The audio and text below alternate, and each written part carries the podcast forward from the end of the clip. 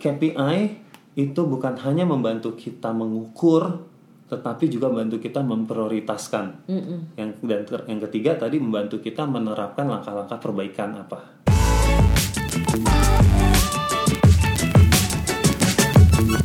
Halo semuanya pendengar setia cerita usaha. Hai. Akhirnya Akhirnya. kita bertiga berkumpul lagi. Ini ibaratnya Avenger ya Endgame, jagoannya pada ngumpul lagi semua. Akhirnya. Eh, Nah, ini Sen, kayak- tapi bukan endgame, Sen. tapi ini bukan Endgame. Jangan sampai kita berkumpul hanya untuk terakhir. Iya, jangan. Enggak, enggak, enggak. Kita, Justru kita start game. ini start game. Kita akan memulai sesuatu dengan babak yang lebih serius dengan cerita usaha. So teman-teman senang banget balik lagi dengan cerita usaha. Saya Samuel, at Samuel Amarta. Lalu ada Mbak Dewi. Di at Dewi Maisari dan at UKM Indonesia ID. Lalu Dan saya Mister at Mister.popo. Mister Dolpoko. Dan jangan lupa follow Instagram kita di @cerita Cerita usaha.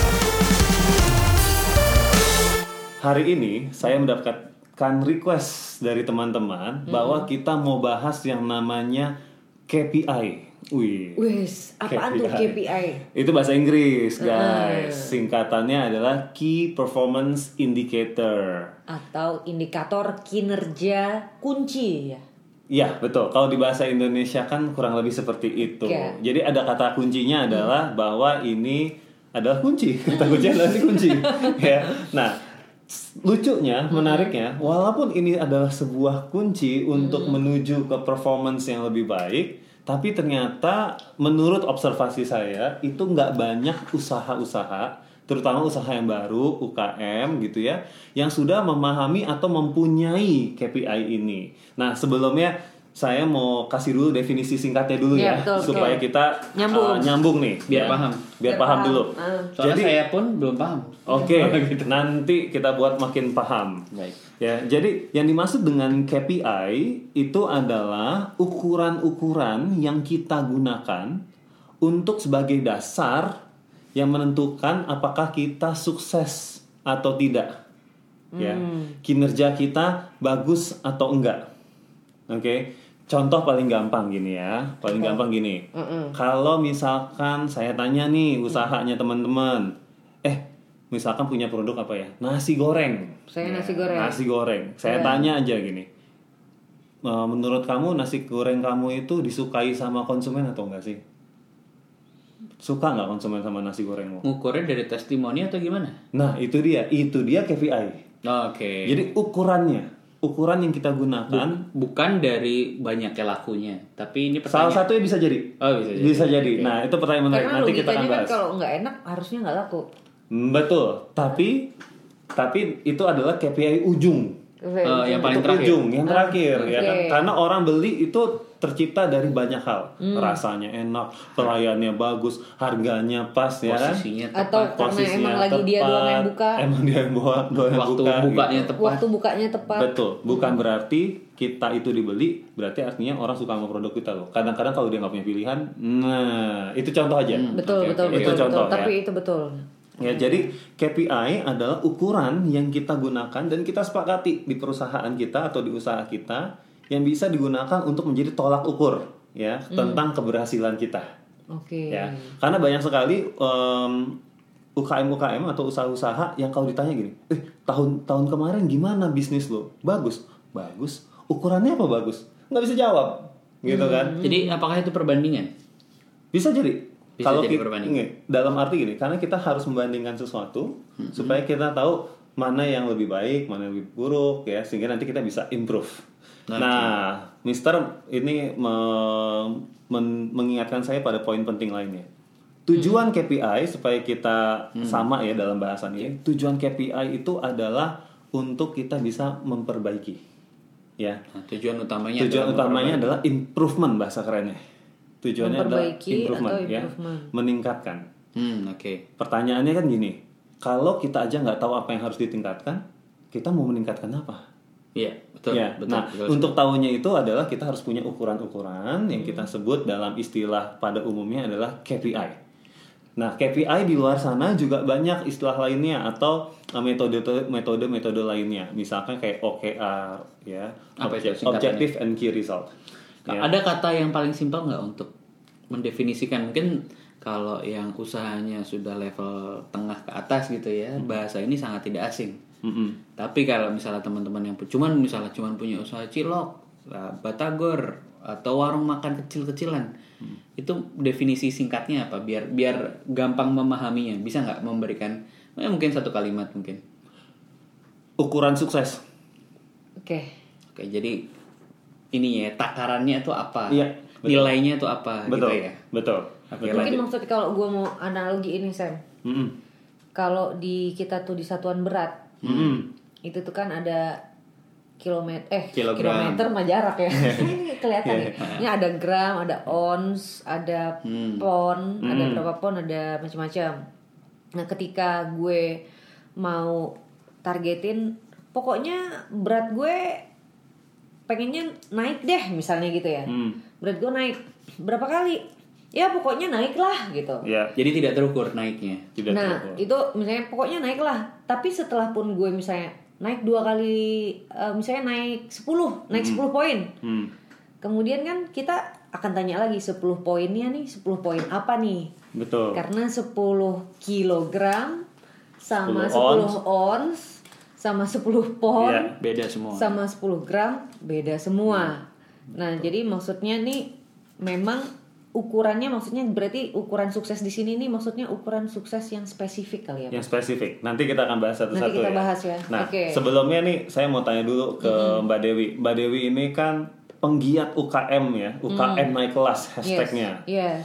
Nah kalau teman-teman kalau Mbak Dewi ketemu sama pelaku-pelaku UKM itu udah banyak belum sih yang bisa bilang bahwa ini ukuran keberhasilan saya? Saya harus menjawab dengan jujur ya, Sam. Ya. Eh, nggak banyak, Sam. Hmm. Bahkan yang pernah saya bikin program pelatihan dengan seleksi peserta yang udah terkurasi ya, Hmm. dari pendaftar ratusan hampir 200 terus yang keterima cuma nggak nyampe 20 Hmm. gitu. Itu pun masih belum punya KPI. Oh, oke. Itu belum punya KPI dan biasanya justru teman-teman kami di beberapa koleganya aku gitu justru mereka dibayar mahal untuk bikinin KPI ini membantu perusahaan-perusahaan bikin KPI tapi sayangnya ya memang untuk perusahaan besar. Betul. Itu itu emang kerjaan saya. Ya itu kerjaan kamu juga. Lahan, lahan Nah, saya. lahan kamu juga kan gitu. Iya iya Nah, iya. iya. jadi eh ya gitu banyak yang belum tahu KPI itu apa, boro-boro menyusunnya. Ya, mungkin yang mereka tahu sesimpel yang Omset penting saya biasanya. tahu target omset ya, target Biasanya penjualan. tuh ya. pokoknya yang biasa paling sering dimonitor terus itu penjualan saya berapa, Oke. saldo rekening, Oke. saldo rekening tuh positif Ya, atau cash liquidnya ya. liquid ketersediaan kasnya dia. Oke. Karena laba yang ngitung laba nih pun masih sangat sedikit juga. Hmm. Oke. Jadi Bahkan pembukaan aja nggak punya. Jadi- apa yang mau diukur mungkin Hmm. kalau dari beberapa. ini. Jadi rajin nyatet penjualannya diikutin, Hmm. dicatat lah. Tapi kan misalnya penjualan tuh kan misalnya beli bahan baku, biaya transport, bayar upah dan lain-lain, ini nggak dicatat. Hmm. Jadi lupa-lupaan kan? Ya, nggak ada data lah ya Nggak ada data. Oke. Jadi kan ngitung laba nggak bisa. Nggak Cuma bisa. ada satu komponen Jadi bahkan nggak ada target laba dong ya. Ada ya target penjualan sama saldo kas nambah sama nggak? saldo kas di rekening tabungan. di rekening yang udah dipisahkan. Yang Jadi udah ini yang bisa dipisahkan, oke. yang memonitor saldo pun biasanya yang sudah memisahkan rekening pribadinya Oke. sama rekening usaha. Oke, sip. Gitu. Berarti itu gambarannya teman-teman ya. Nah, kalau di Mister sendiri di bisnisnya, Mister ini kan bisnis banyak ya. Tapi saya mau tanya yang bisnis berasnya aja dulu ter. Hmm, gitu. deg-degan nih saya ditanya. Iya. Lo punya KPI yang lo ukur nggak setiap tahunnya gitu, atau mungkin setiap bulannya? Sebenarnya eh, kata KPI sendiri buat gue masih Asing. juga asing juga ya. Artinya kan gue juga mulai sesuatu juga bukan dalam atas pemahaman perusahaan yang apa value-value tertentu seperti kayak gini ya. Cuman dari awal memang satu sudah selalu punya target penjualan. Ya, satu. Itu udah KPI jadi, itu. Itu udah KPI. Misalnya satu itu, terus kemudian eh, target penjualan biasanya gue gua bentukan gini, misalnya di tahun-tahun pertama itu penjualan mungkin cuma 500 kilo gitu. Hmm. Target bulanan ya. Mm-mm. Terus harapannya gue selalu berharap eh, kenaikan per bulan itu sekitar 10 sampai 20 persen. Hmm, berarti ada dua indikator nih udah. Growth. Satu Satu target penjualannya, yang kedua target growth-nya, target Growth-nya. Kena- pertumbuhannya. kenapa kenapa gue harus mengukur? Karena kan dalam industri pertanian, misalnya tanam itu kan juga harus diproyeksi ke depan ya. Misalnya oh mungkin eh, kita tanam tiga bulan, tapi mungkin di season kedua di bulan ke 4 sampai ke 6 nggak ada panen. Mm-mm. Oke. Jadi kan kita harus melakukan proyeksi atau bahasa kerennya forecast gitu. ya. Nah, misalnya gue mau jual 500 kilo sebulan. Mm-mm.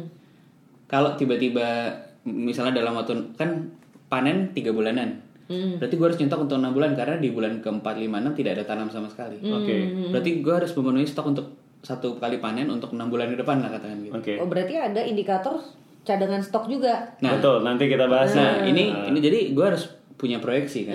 Betul. Gue mau jualan 500 kilo sebulan. Oke. Tapi gue juga punya keinginan bisnis gue naik, misalnya naik 10% berarti jadi 550 Heeh, bulan ya, depannya. bulan depannya kan. Heeh. Ya. Nah itu yang gue lakukan untuk eh, ini ya, gue punya target kenaikan, gue punya target jualan bulanan yang basic. Nah biasanya juga misalnya gini, karena gue sudah melakukan pembukuan dari awal banget dulu. Misalnya gini, eh, di tengah bulan gue eh, perharinya juga gue juga akan lihat, oh hari ini jualan omset sekian atau kilogramnya sekian. Hmm. Nah misalnya eh, jalan tuh setiap hari ada pencatatan Mm-mm. di biasanya di gue bagi gue akan mengamat menganalisa data penjualan di setiap akhir minggu karena sebulan kan ada empat minggu Hmm. ketika empat minggu kira-kira performance penjualan kita gimana Oke. Hmm. nah biasanya kalau kurang gue akan lebih giat Oke.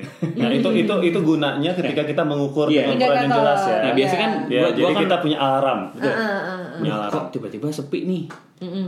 wah broadcast ah yang banyak ke customer Betul. Nah, Betul. Nah, kemudian kalau gue yang lain nih misalnya, gue punya target. Kadang ini bukan ya bulanan juga sih. Misalnya seberapa banyak dalam satu bulan saya mendapatkan customer baru. Nah, oke. KPI kedua new customer. Nah, yang kedua, seberapa banyak saya mendapatkan agen atau reseller baru atau distributor baru, Oke. gitu. Oke. Nah, eh, tadi sebenarnya Mister tanpa dengan apa Nyebut ya KPI. nyebut KPI tapi sebetulnya sudah punya ukuran-ukuran keberhasilan. Kan tadi kan ditanya kan KPI itu apa sih? Ya gampangnya ukuran keberhasilan. Nah sekarang yuk kita bahas satu-satu yang agar teman-teman bisa dapat inspirasi ya harus membuat KPI apa. Pada umumnya KPI itu yang dibentuk adalah kita harus pu- eh, orang-orang pasti punya yang namanya KPI revenue betul ya pendapatan. pendapatan Tolong dalam bahasa awamnya, Sam. dalam bahasa awam bahasa Indonesia yang baik dan benar adalah pendapatan ya jumlah Jadi tolong saya minta teman-teman yang mendengarkan sambil mengeluarkan catatan. Jadi nanti Wah, betul. di akhir podcast ini teman-teman semua bisa menerapkan langsung apa yang disampaikan oleh Semi. Betul. Jadi harapannya satu saya ngeluarin siap-siap dulu nih, ambil pensil, ambil pulpen, ambil kertas, ambil buku atau catat di handphone boleh. ya Dan saya request spesial untuk Kak Semi karena saya termasuk orang yang awam dalam bahasa-bahasa expert.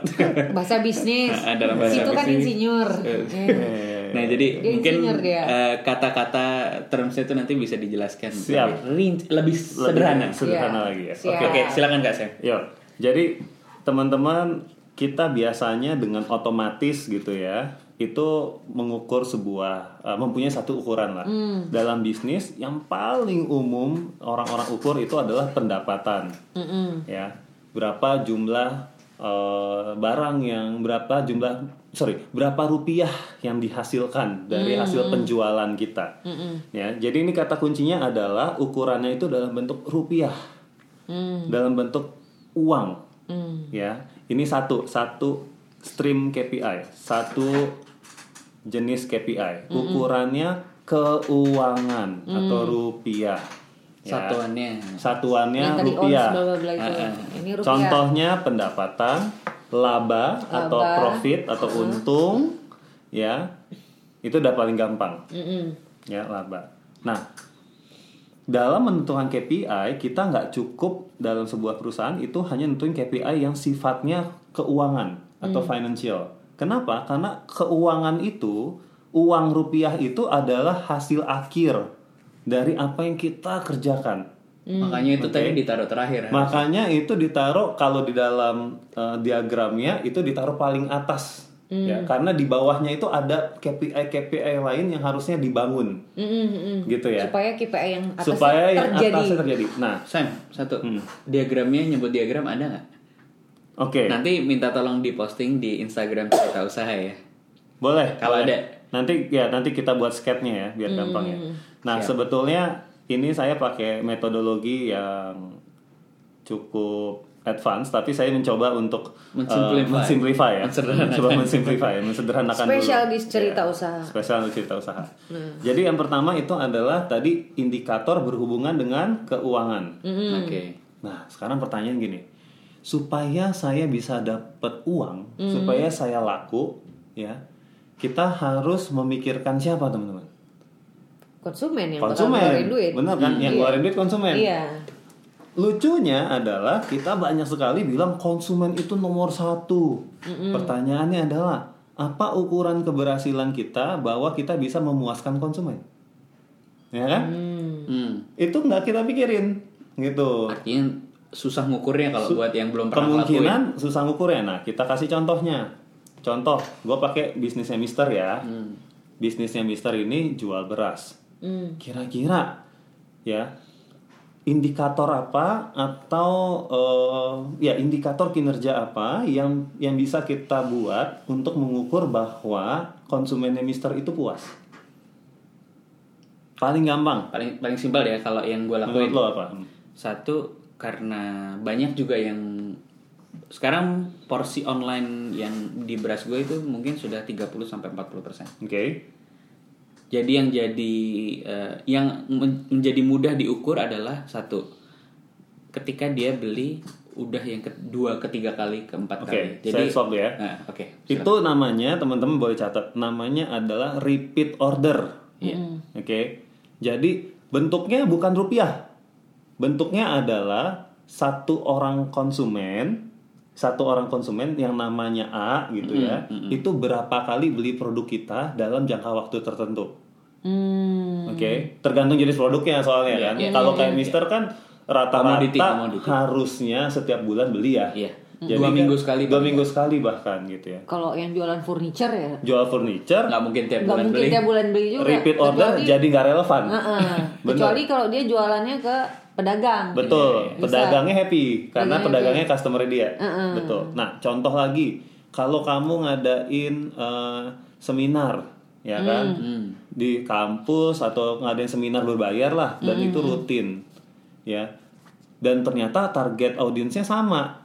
Ya, kalau dia datang terus, Hmm. berarti itu bisa indikator bahwa your seminar, your eh, your product itu bagus, gitu. Jadi satu ini alternatif Hmm. Repeat repeat order, ya. Terus yang kedua yang mungkin juga di beberapa bisnis itu sebenarnya mudah untuk dilakukan yaitu menghitung jumlah komplain. Hmm. Hmm. Menghitung jumlah komplain ya, apalagi kalau teman-teman yang baru usaha kan komplainnya juga ke situ-situ juga kan. Ya, atau kalau udah ada karyawannya suruh catat. Kalau ada yang komplain itu catat ada satu kasus, dua kasus, tiga kasus ya.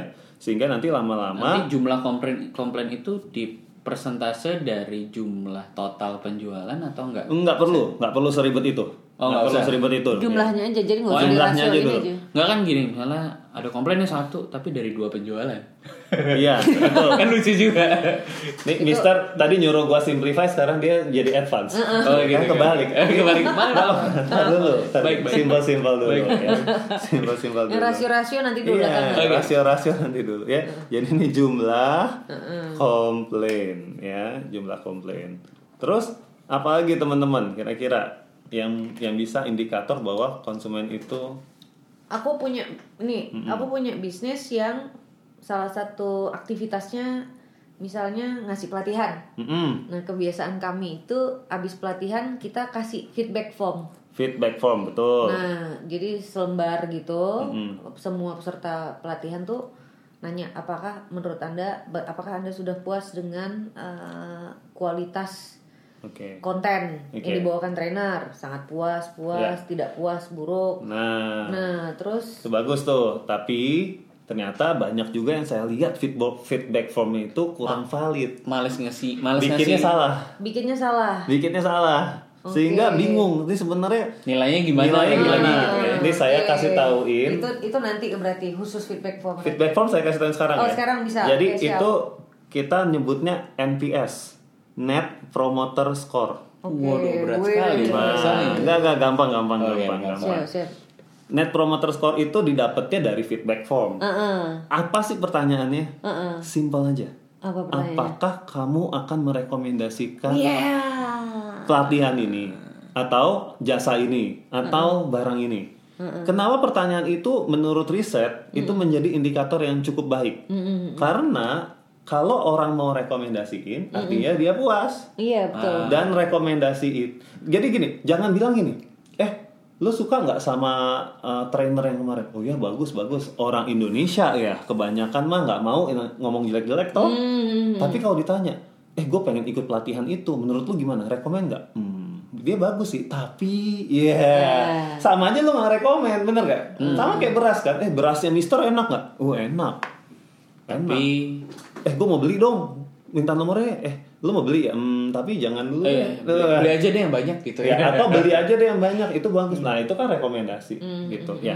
Nah di rekomendasi pertanyaan cuman itu lalu scale-nya itu 1 sampai 10 teman-teman. Jangan sampai 5 ya. Enggak, 1 sampai 10. Kenapa? Karena kalau dia yang kita hitung bener-bener rekomendasi itu namanya net promoter score. Cara ngitungnya adalah gini, berapa banyak orang yang jawabnya itu 8 9 10. Tapi orang Indonesia kalau jawab selalu Nah, 6 sampai Betul, betul. 8. Ini dia ini dia bagus. nggak padahal perfect. Padahal perfect. Tapi Nggak apa-apa. ah, ya udah kurangin dikit Nah, gitu. ini bagusnya NPS itu mengurangi bias itu. Cara Oh, ngitungnya oke. adalah yang kita hitung adalah jumlah orang yang kasih skor 8 9 10 Mm-mm. dikurangin jumlah orang yang mengukur eh me- me- menilai itu 1 sampai 6. Oh, Eh, satu sampai lima, sorry, satu sampai lima. Itu yang kita nilai sebut- nggak nggak dihitung sama sekali. Yang di tengah-tengah nggak dihitung. Hmm. Jadi yang kita sebut yang di kanan itu adalah Iya, iya. aktif promoter, yang di sebelah kiri artinya yang lima ke bawah itu adalah aktif distractor. Hmm. Ya, jadi yang yang benar-benar akan merekomendasikan kalian yang itu kanan. adalah yang 8 9 10 gitu. Ya, nanti teman-teman bisa googling ya NPS. Wah, itu udah keluar diagramnya banyak banget lah. Hmm. hmm ya, hmm. nanti ada yang 0 sampai 9, 1 sampai 10, pokoknya intinya scale-nya sama lah segitu hmm. ya. Hmm. Nanti bisa dilihat lebih lanjut di situ ya. Sayangnya di apa namanya di uh, e-commerce Tokopedia, Bukalapak, Shopee, Gojek dan sebagainya itu semua kan 5 Iya. Bintangnya. Bintangnya lima. Ya. Dan kadang-kadang uh, saya saya nggak bilang itu jelek ya. Enggak, bukan bukan gitu, bukan gitu. Uh. Kan kita jadi agak sulit mengukur. Jadi kebetulan di toko saya yang di online itu mereka rata-rata ngasih bintang lima dan empat gitu. Hmm. Cuman kadang-kadang uh, kalau mau pakai NPS ya susah. Uh, uh, jadi ya tapi alhamdulillah sih mungkin yeah. emang bagus. Nah, apa-apa, ini kan indikator. Indikator. Indikator. Nah, ngukurnya gitu loh yeah. maksudnya. Hmm Betul. Nah itu jadi ada tiga ya untuk mengukur kepuasan customer misalnya. KPI-nya bisa repeat order, jumlah komplain, atau net promoter score lewat feedback. Iya, Ya, feedback, feedback itu dari ya. customer. Dan pertanyaan kunci itu ada pada "Uh, apakah Anda akan memberi rekomendasi Yes, ke orang lain? betul. Nah yang keempat Keempat, itu hubungannya sama rekomendasi lagi. Yaitu caranya gimana? Ukur, nah ini baru baru boleh pakai persentase. oke oke oke Presentase berapa customer yang kamu punya sebagai akibat dari rekomendasi customer lainnya.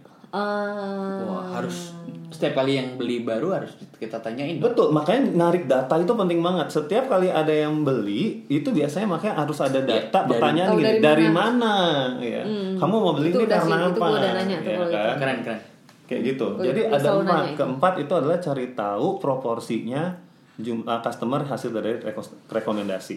Hmm. Ya. Jadi, Artinya dengan kata lain begini, kalau misalkan 40% dari your customers itu ternyata hasil dari rekomendasi. Berarti artinya Customer. udah ada biaya marketing gratis. yes. Bisa akuisisi 40% customer. Mm-mm. Lumayan kan? Iya. Gitu. Nah makanya itu perusahaan berlomba-lomba bikin loyalty program, rekomendasi program, kode voucher untuk rekomendasi. Sebetulnya itu gitu. Kalau saya sebagai Sebenarnya buat narik data supaya bisa ngukur efektivitas. kalau gue sebagai UKM kecil gini, apa yang bisa dilakuin Kak Sam? Untuk yang mana? Ya tadi eh, kayak program-program loyalty program dan sebagainya. Oke. yang- Jatuhnya apa kayak kita jadiin mereka reseller itu kan? Enggak, Enggak, enggak juga, bukan. Enggak. Tapi intinya gini, intinya adalah kan kita sekarang topiknya di KPI. Intinya Yang ngukur dulu. kita ukur dulu aja. Oke. Jadi kenapa kita kasih alternatif? Karena kita sadar nggak semua ini mudah diukur. loh. Mm-mm. Iya. Ya kan? Ini nggak semuanya mudah diukur. Ada yang Ya. ngambil datanya aja Ada- udah PR. Betul, ambil datanya aja ada PR banget, repot banget rasanya gitu. Cuman kalau misalkan ya tapi itu emang effort yang lambat laun teman-teman harus hadapi sih, harus lakukan. Kalau enggak kita nggak akan naik kelas, Pak. Iya. Pakai istilahnya Mbak Dewi gitu. Kalau kita mau naik kelas, ya kita harus ada effort pengambilan data untuk mengukur. Ya. Jadi itu itu contoh dari customer ya. Nah, kalau misalkan tadi udah kita bilang, oh oke saya udah punya KPI financial, yaitu keuangan, ya revenue, apa pendapatan, laba, lalu saya udah punya KPI eh, tentang kepuasan customer, seputar kepuasan customer. Nah, cukup nggak? Nggak cukup. Hmm. Karena kalau kita punya proses di dalam itu amburadul, nggak Manajemen ada maksudnya. ukurannya, manajemen kita, ya prosesnya, bisnisnya segala macam, itu lama-lama juga bisa kolaps. Maka kita harus ada KPI yang kita sebut temanya adalah internal process. KPI internal process. Bahasa rakyatnya Bahasa rakyatnya adalah KPI operasional. Masih masih kurang merakyat ya? ada contohnya? Oke, contohnya. Misalnya saya punya usaha yang mungkin pegawainya hanya tiga atau lima. Oh iya, nggak masalah. Nah, itu apa yang diukur dari Oke. internal itu? Contohnya maunya bisnis apa? Ayo. Jus deh, jus. Jus, Kayak jus. papis jus yang udah kita samperin. Kayak papis jus yang udah ada episode-nya khusus ya. Iya. Oke. Papis jus. Prosesnya dia yang yang harus kita jagain, kita harus jadi target. Jadi artinya begini. Pertanyaan gini, bagaimana cara kita mengukur bahwa proses yang dilakukan oleh papis jus itu sudah baik?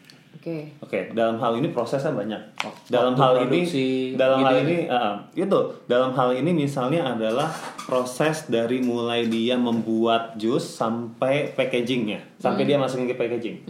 Oke, bagaimana cara kita mengukur bahwa proses itu sudah dilakukan dengan baik? Oke. Ya, paling gampang adalah satu, berapa banyak misalnya em, bahan baku yang terbuang Oh, I see. ya contoh contoh paling gampang nih papis jus itu kan pakai kemasan Mm.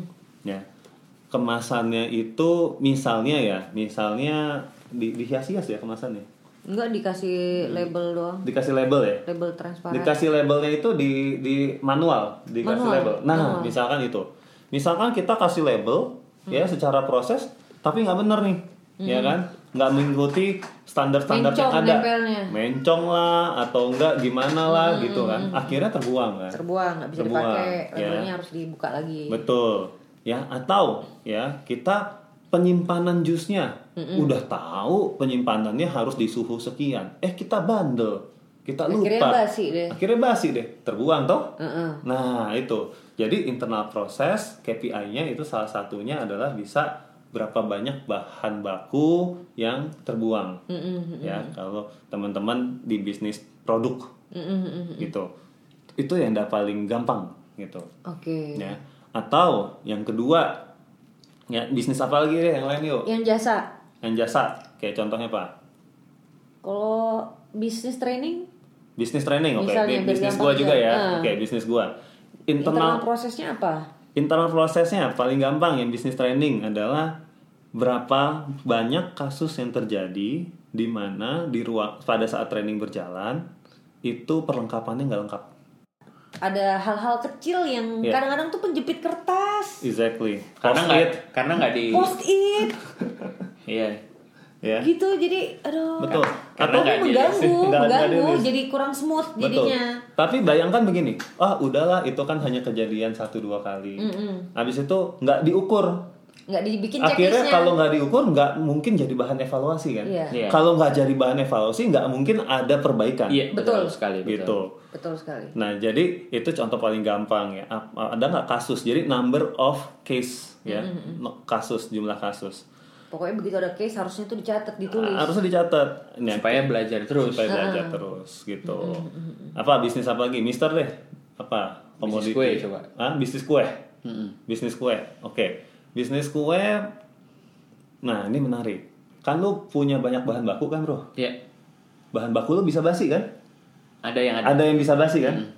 Nah itu juga bisa terjadi. Atau enggak atau enggak begini. Lu lagi banyak order lu nggak bisa buat karena nggak ada bahan baku. Ya, nah berarti KPI-nya adalah berapa sering kasus yang terjadi karena kita kekurangan bahan baku. Mm-mm. gitu. Itu KPI bisa jadi. Artinya apa? Itu ngomongin apa sih Berapa Ketersediaan banyak stok. Iya.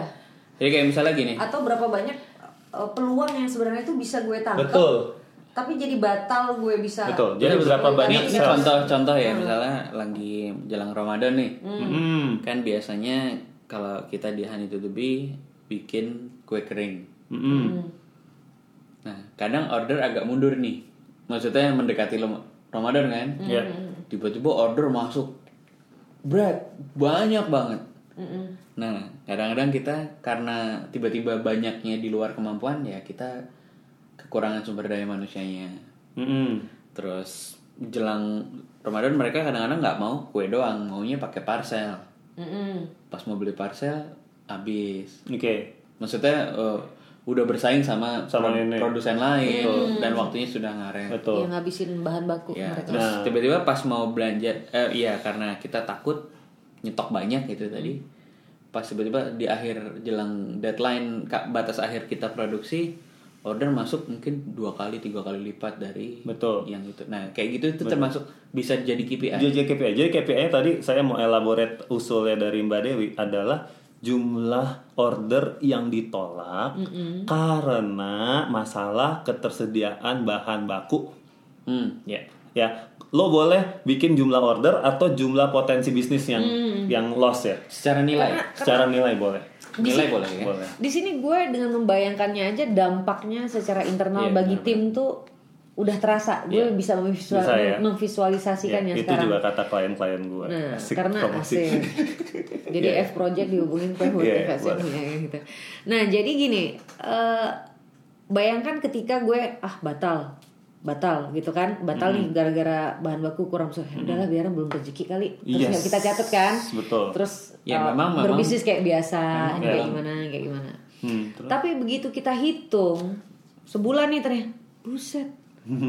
Ternyata ada empat kali ya order Hmm. nih masuk batal gue ini satu kali order misalnya 10 juta nih potensial income-nya. Betul. Nah, memang bukan Men, memang 40 bukan rezeki juta. tapi karena ketidaksiapan kita Betul, gitu. Jadi betul. bukan tidak rezeki karena mungkin kita belum belum Ya, karena faktor yang tidak bisa Faktor kita yang kendalikan Iya. ini bisa kita kendalikan makanya tadi KPI Betul. operasional internal Iya, karena semua komponennya operasional. tuh bisa kita kendalikan bisa kita kendalikan begitu beda sama halnya yang tidak bisa dikendalikan. ya. Nah, Yes. ini contoh satu hal lagi nih Sam sekarang mau cerita ya kan gue ngedampingin kadang-kadang bantuin eh, si Papis juga. Hmm.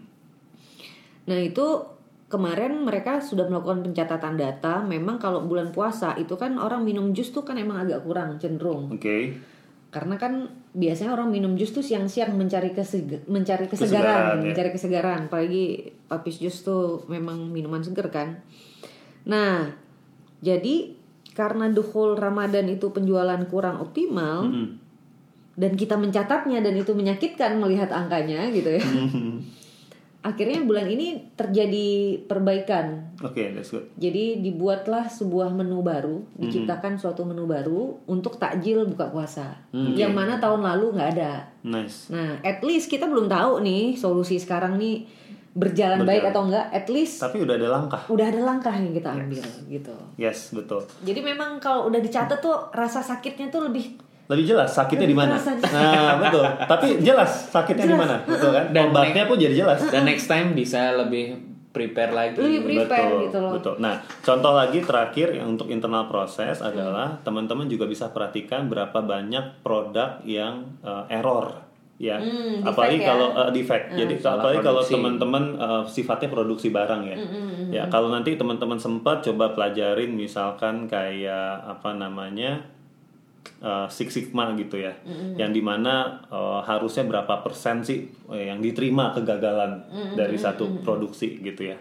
Ya jadi itu bisa dilihat. Jadi misalnya teman-teman bikin baju gitu ya. Nyablon lah usaha sablon massal gitu ya.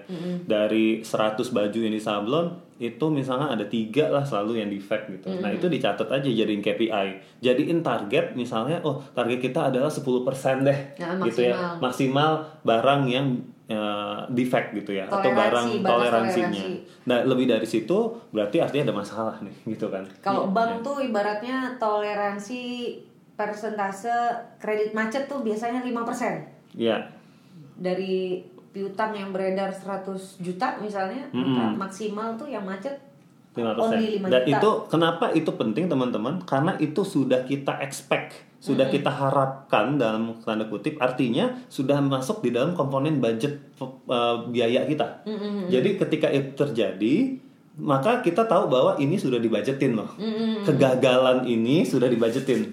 Sehingga nggak ngegerus eh, apa budget eh, profit kita nantinya gitu. Sama kalau gue boleh nambahin nih Kak Sam, eh, dengan kita menentukan batas toleransi kegagalan, kita tuh jadi bisa tahu kapan mau reaksi lebay, kapan mau biasa aja. Ya. Karena kan kalau kita mau cari perfection kan susah banget, ya kan? Mau cari perfection kan eh, susah banget ya. Jadi misalnya nih defect satu dua, apakah kita harus re- bereaksi? Wah kenapa nih defect begini? begini, begini?"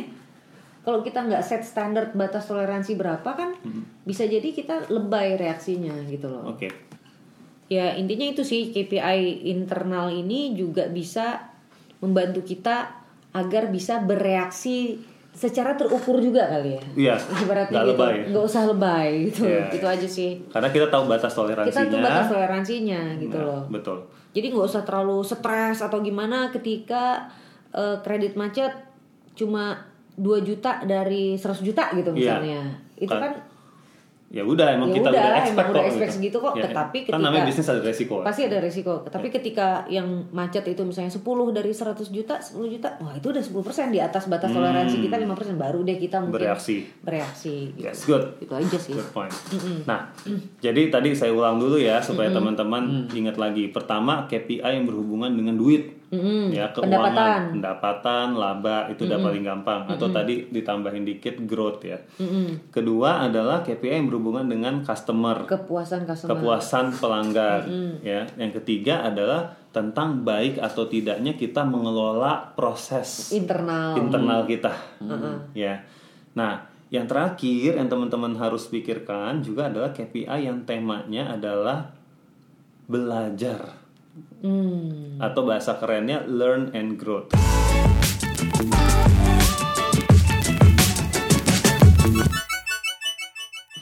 belajar. Ini banyak sekali usaha-usaha yang nggak punya KPI ini.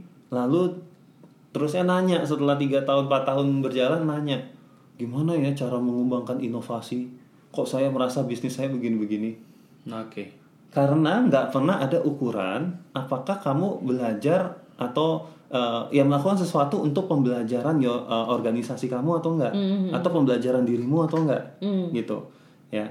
Kalau di perusahaan besar contohnya ya itu dia punya KPI berapa jam yang dihabiskan oleh setiap karyawannya untuk belajar.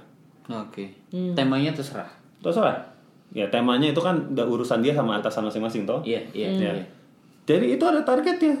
Setahun setiap karyawan itu harus punya misalnya 24 jam dia harus punya waktu khusus belajar. Oh, ngeliatnya dari mana? Ya nanti ada pencatatannya. Dia ikut training, oh 6 jam trainingnya catat 6 jam gitu. oke. Ya, ini ini kalau di perusahaan yang udah established ya, teman-teman gitu. Nah, kalau buat kita sendiri apalagi sebagai business owner ya kan, sebagai pem- yang punya usaha ya itu gampang banget kan? Kan kita kita sendiri mentargetkan pembelajaran kita. Untuk Ya. diri kita sendiri. untuk diri kita sendiri. Targetin aja oh KPI saya adalah saya mau baca buku tentang mengelola keuangan tahun ini. Ya. satu buku. Itu KPI-nya satu buku. Udah that's it gitu. Nah, kalau teman-teman yang udah punya karyawan, jangan cuma ngomel kalau karyawannya itu masih dianggap belum pintar. Hmm. Tapi bikinlah KPI supaya karyawannya lebih pintar. Hmm. Caranya gimana? Contoh nih, Mister kan udah ada karyawannya, Mbak Dewi juga ada anak-anak buahnya. Contoh, saya targetkan dalam setahun itu ada waktu misalkan total 20 jam saya duduk bareng karyawan saya 20 jam. hanya untuk pengembangan dia. Hmm. Udah, itu komitmen kita untuk ngajarin dia Ya. Ya. gitu itu di KPI kan gitu Betul. supaya nanti kelihatan eh, apa namanya saya sudah sudah berusaha mengembangkan organisasi ini belum sih ya atau karyawan ini atau ada juga KPI lainnya bukan hanya tentang belajar tetapi ini lebih ke arah grow-nya supaya company-nya bisa grow contoh mengeluarkan satu uji coba produk baru dalam setiap tahun Ah, oke. Oh ya. Ya. Itu ada tuh di kuesioner UMKM naik kelas UMKM ada kan? Iya. harusnya jadiin KPI. Iya. Karena supaya kita dipaksa oleh KPI kita sendiri untuk melakukan coba-coba. Coba-coba belum Kayak tadi tuh, Papis Jus lagi nyobain menu khusus Ramadan, right? Ya. Itu KPI-nya, KPI pengembangan produk barunya itu dimasukin di bagian learn and growth. Itu udah kena. Berarti KPI-nya apa? KPI-nya adalah launching produk Ramadan paling lama di bulan sekian Ya. tanggal sekian misalnya gitu. Itu udah kena, udah bagus banget gitu. Nah itu adalah KPI learn and growth contoh-contohnya ya. Atau ada juga nih kalau ada teman-teman yang udah agak lebih advance ya. Wah saya udah banyak sekali nih penjualan segala macam sehingga saya keteteran masalah administrasi keuangan.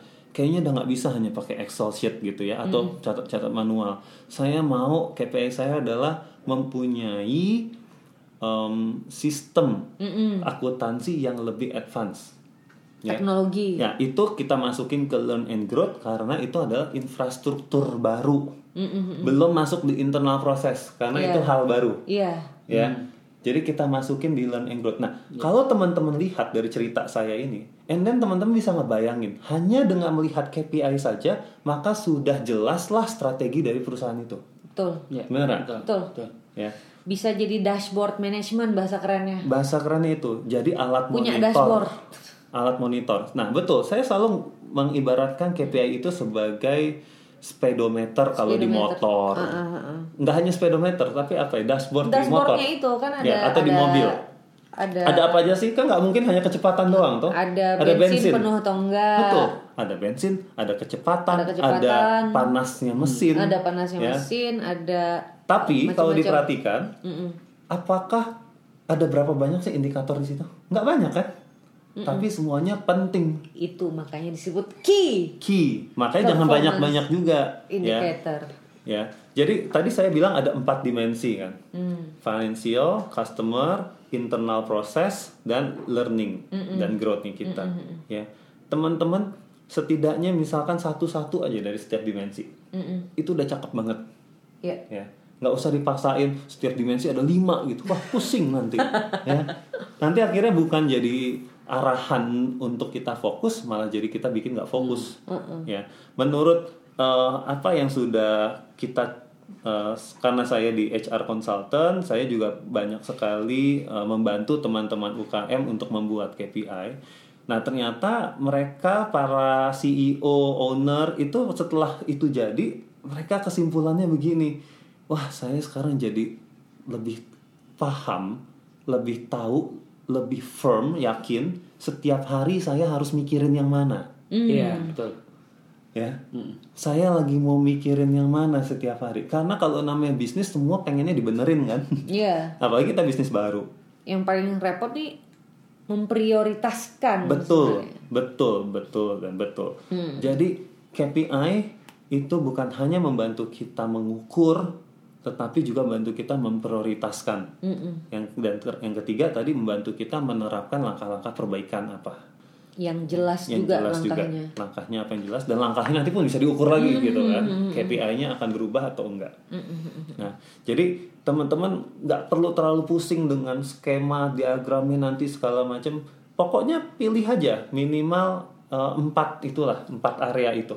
Dan template-nya sudah kita bahas tadi satu-satu. Iya. Maksudnya contoh untuk KPI untuk revenue itu apa, Untuk financial untuk apa, financial apa, untuk Untuk customer, customer apa, Internal untuk internal process, apa sama untuk learning. learning. yang belajar juga udah kita udah kasih kita kasih contohnya. contoh-contohnya. Nah, supaya semakin kita apa ya pembelajaran ini berguna bermanfaat, mungkin kita buka aja teman-teman yang bingung, kak saya bisnis ini KPI saya, saya ada masalah ini harusnya KPI-nya apa sih? Itu silahkan feel free DM ke cerita usaha ya. Iya, di Instagram @cerita usaha. Jadi memang eh, kalau gue lihat memang bahasanya masih agak berat ya untuk teman-teman yang mungkin baru merintis usahanya. Iya, betul. Mungkin baru di tahun ke 0, 1, 2, 3. Karena mungkin eh, yang yang dialami belum banyak, yang bisa diukur belum belum terlalu paham. Ya, betul. Tapi saya pikir memang dari awal kayak misalnya gue dulu mulai usaha tuh sebenarnya kita bisa meraba kok Bisa. apa yang apa yang kita mau terus kemudian eh, apa yang bisa kita pikir untuk perbaikan yang di awal-awal. Ya. Jadi kan justru menurut saya eh, ini apa namanya Sam Mbak Dewi di awal tuh semangat kita masih tinggi. Hmm. Jadi sebenarnya mengukur bulan per bulan itu lebih gampang. Lebih semangat. Lebih semangat. Lebih gitu. semangat harusnya. Heeh, Benar Iya. juga sih. Jadi di awal-awal tuh semangatnya masih tinggi-tinggi. Jadi ketika kita punya data yang bagus, ketika kita bisa membukukan sebuah KPI tadi dengan dengan minimal bagus dan tercatat. Ya, Dan minimal tercatat. satu indikator aja per empat bidang tadi nggak usah Iya. banyak-banyak ya kan. Betul. Jadi eh, progres dari usaha kita tuh nanti kerasa banget. Kerasa. Sangat kerasa. Karena memang itu satu masih semangat, yang kedua grafik bisnis kita masih naik, baru naik-naiknya mungkin. Kalau Agak naik nanti tingkat kemiringannya lagi miring-miring. Ah, lagi miring-miring ya. Nanti kalau udah mulai datar, udah mulai bosen, Iya. beda rasanya. Betul, betul. Iya. Tapi ya memang eh, saran dari dari gue sendiri kalau teman-teman baru mulai usaha dari awal kita benahi serapi-rapinya. Jadi ketika sudah di level tertentu tuh sudah kita sudah nyaman dengan sistem yang sudah kita bangun dari awal. Ya, Ya. itu. Jadi salah satu tujuan podcast kita ini juga sebenarnya pengen mendemokratisasikan ilmu yang apa Mahal. ya, yang mahal. Semi ini dibayar untuk bahas kayak gini nemenin perusahaan-perusahaan. Iya, berapa dolar sejam? Wow, wow, wow, wow, wow. Nah, dengan kita Jam-jaman. dengan kita ngebahas ini kan siapa pun jadi bisa dapat akses terhadap Ya. diskusi yang mahal ini gitu loh. betul. Nah, tentu alangkah kalau gue pribadi nih, Hmm. uh, Mister sama Semi ya, tentu gue akan lebih bahagia kalau yang dengerin tuh emang mengamalkan gitu. Dan aktif bertanya ya. Dan aktif bertanya. Salah satunya tuh kalau kita seneng sebenarnya dapat pertanyaan tuh gitu. Terlebih nanti kalau misalnya emang banyak demand, kita membuka opportunity, membuka kesempatan untuk kopi darat loh. Iya, betul. Benar kan? Jadi Workshop kayak- untuk kayak- ini ya, untuk public workshop, khusus public workshop khusus KPI misalnya Iya. atau khusus gimana sih mengakses modal atau apa nah Iya. tergantung demand aja nanti kita gimana mister Oleh karena itu jangan lupa sekali lagi follow, Follow. Instagram @cerita_usaha agar lebih interaktif aja. Karena di podcast ini kan nggak bisa komen. Nah, jadi langsung tanya, aktif tanya sama eh, di Instagram mau nggak mau channelnya kayak kayak misalnya contoh ya. Tadi bocoran hari ini kan kita juga ngelakuin sebuah workshop kecil-kecilan. Tuh. tentang mencari Tentang ide usaha. Cari Ya. ide usaha. Jadi buat teman-teman yang tadi datang mungkin sekitar 80 orang ya. ya kan orang Kita sangat interaktif, terus open, mereka bertanya, kita menjawab, kita menjelaskan sedikit dan lebih banyak porsi Latihan. mereka langsung praktek. langsung praktek Nah, kalau misalnya teman-teman pendengar semua pengen melakukan kegiatan seperti workshop atau serupa ya seperti itu, pelatihan ataupun workshop yang nanti dari poin-poin dari topik-topik yang pernah kita bahas atau mungkin yang belum pernah kita bahas, juga bisa silahkan berikan saran dan masukan kepada kami semua. Request pun juga boleh. Oke, jadi topik ini sebetulnya masih banyak lagi yang harus dibahas, tapi kita mau kasih sedikit-sedikit dulu teman-teman supaya nggak nggak pusing Pejal. malah Supaya gitu ya. pejal. Silakan dipraktekkan dulu ya. Nanti kalau ada respon yang baik, kita akan bikin eh, sesi berikutnya ya yang lebih advance lagi tentang KPI ini. Terakhir gue cuma mau bilang dengan kita mengamalkan teori-teori ini sesungguhnya kita tuh menurunkan tingkat resiko gagal benar nggak tuh? Bener, bener. Gagalnya tetap ada, resikonya tapi tetap ada. resikonya turun, resikonya resiko turun. turun. I Gitu. like that. I Gitu. like Jadi that. resiko kegagalan tuh kita Manage. kita bisa manage dengan tahu ilmu-ilmu ini itu yang kita harapin Dan ini sekali lagi adalah sebuah proses kita belajar. Jadi mendengarkan podcast ini harapannya ya bisa menginspirasi, terus dapat ilmu baru yang siap kita terapkan. Jujur aja saya sendiri juga belajar banget nih sama Semi ini. Karena ya ini adalah ilmu baru yang belum pernah saya dengar mungkin. Ya udah pernah dengar sih, cuman Belum dibahas. sedalam ini ya. Iya. Walaupun mungkin sudah dilakukan beberapa Iya. bagian. Iya. Tapi kalau kita paham secara keseluruhan, harapannya kan bisa ya diamalkan bisa langsung dikerjakan di bisnis kita. mungkin dengerin podcast cerita usaha itu jumlah jam yang digunakan untuk mendengarkan podcast Jadi KPI. bisa jadi KPI ya bisa ya, learn and growth. Nah, di KPI Learn and Growth dari target 20 jam, nah berapa jamnya tuh dipenuhi dari dengerin usaha. podcast cerita usaha. Iya. Oke Amin. teman-teman. Oke, thank you Eh, banget Thank you udah banget dengerin. udah dengerin kita secara setia dan mudah-mudahan setia dan kalau sabar nungguin episode kita. Iya, karena Sorry. kitanya memang belum bisa eh, Maklum, maklum. Semoga bisa dimaklumi ya. Nah, silakan untuk komentar dan itu saran-saran. KPI kita, Beb. Iya. Setiap minggu harus keluar episode. Dulu itu kita udah bikin KPI Iya, itu kok. KPI itu sih. Iya. Nah, Iya. gitu. Jadi Oke. ditunggu masukan berikutnya. Sampai Jumpa. Bye.